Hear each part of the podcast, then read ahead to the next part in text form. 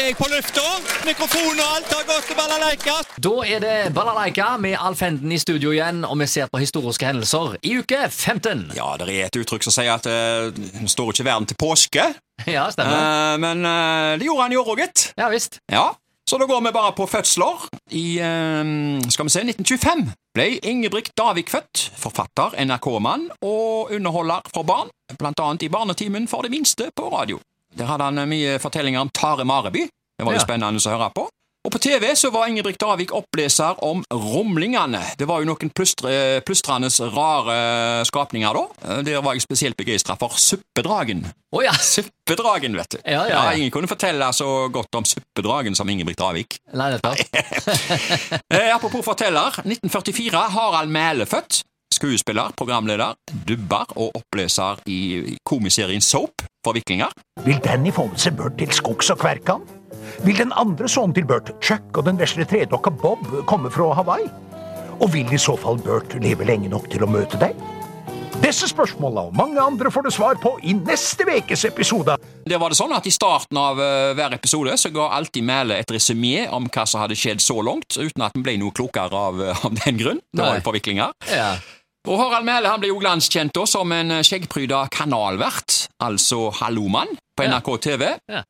Og eh, ingen kunne sette over til Kollagol så godt som Harald Mæhle. Og nå kjem Kollagol! Ja, ja, ja. Ja, ja, ja. ja. ja. Vi skal se på internasjonale hendelser. 1865. USA-president Abraham Lincoln blir skutt av John Wilkes Booth på teater i Washington DC, og dagen etter så dør Lincoln av skadene. 1927. Eh, svenske Volvos eh, første modell, Volvo ØV4, ruller av samlebåndet i Göteborg. Eh, ØV sto jo da for Øppen Wagen. Eh, Så skal vi se på hva som gikk på kino i uke 15. Det har jo tatt for meg 2010 på Edda. Filmen Kick-Ass, actionkomedie om en helt vanlig tenåring i New York som bestemmer seg for å bli superhelt. Den gikk til 15-årsgrensa. Og så gikk filmen Dragetreneren. Det var en animasjonsfilm da, med norsk tale. Sjuårsgrensa på den. Og sjuårsgrensa var det òg på eh, Johan eh, barnevandrer. Og så gikk det en film som heter Oppbruddet. Det var fransk drama med 15-årsgrensa. Og så tar jeg en film til. The Bounty Hunter, eh, romantisk komedie med Gerard Butler og Jennifer Aniston i hovedrollene. Og så tenkte jeg jeg skulle snakke om påsketradisjoner. Eh, og eh, jeg tar for meg eh, quiz i dag. Ja. Påsken er jo nemlig høysesong for quiz, både i blader, aviser, på høyfjellshoteller, puber og ganske enkelt hjemme hos folk òg, altså.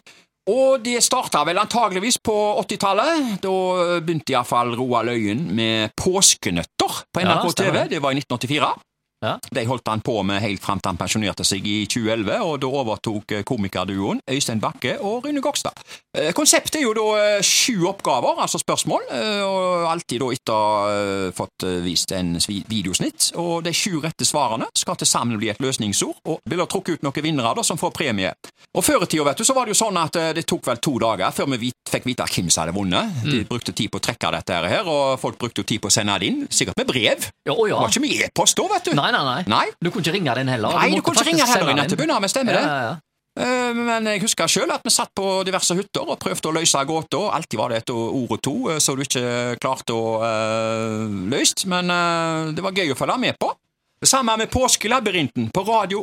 Eh, I 1987 starta Viggo Valle opp uh, denne her geografiske spørreleken, der innringer skal gjette på forskjellige steder, basert på info som programlederen gir. Og programleder det er jo den dag i dag, Viggo Valle. Eh, og han spør alltid hvor skal vi deg hen? Har du hørt på denne? Har du hørt på denne eh, konseptet? Nei, du har ikke det? Nei. Her er det jo sånn at eh, du ender opp i en finale med tre stykker, og det er jo de tre som har gjetta flest steder, da. Og eh, finalen får uh, 10 000 kroner der, og dette her er jo eh, noe han har holdt fast på, altså. Konseptet. Og i dag er det jo sånn at folk googler jo mens de sitter på lufta. Ja, ja. Så googler de for å finne svarene. Ja. Men han er, så, han er så smart at han uh, tvinger de til å Altså, han lager oppgaver som gjør at det er vanskelig for de å bare google. Ja. Eh, Alf, eh, nå er jo du òg uh, quizmaster eh, Ja. fra tid til annen. Eh, Kunne det blitt aktuelt for deg, kanskje, å lage en sånn påsketradisjon her på Radio Haugaland med quiz og nøtter for uh, lytterne på Radio Jeg Haugaland? kan skjønne det. Jeg tar utfordringen på strak arm. Jeg begynner med en gang. Ja. Du, kan, du skal få tre spørsmål av meg, du. ja. Jeg begynner med spørsmål én. Spørsmål én. Hvor mange fjellvettregler fins?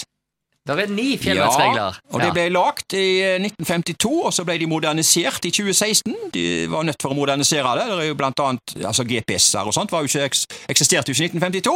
Nei. Eh, Men det er én av de reglene som er akkurat like som han har vært alltid, og det er venn i tide, det er ingen skam å snu. Det er regel nummer åtte. Ja. Så tar jeg en til her. Spørsmål to. Ja. En mann fra Jemen ved navn Mohammed Mukabel har klart å stable fire egg oppå hverandre. Oi. Fleip eller fakta?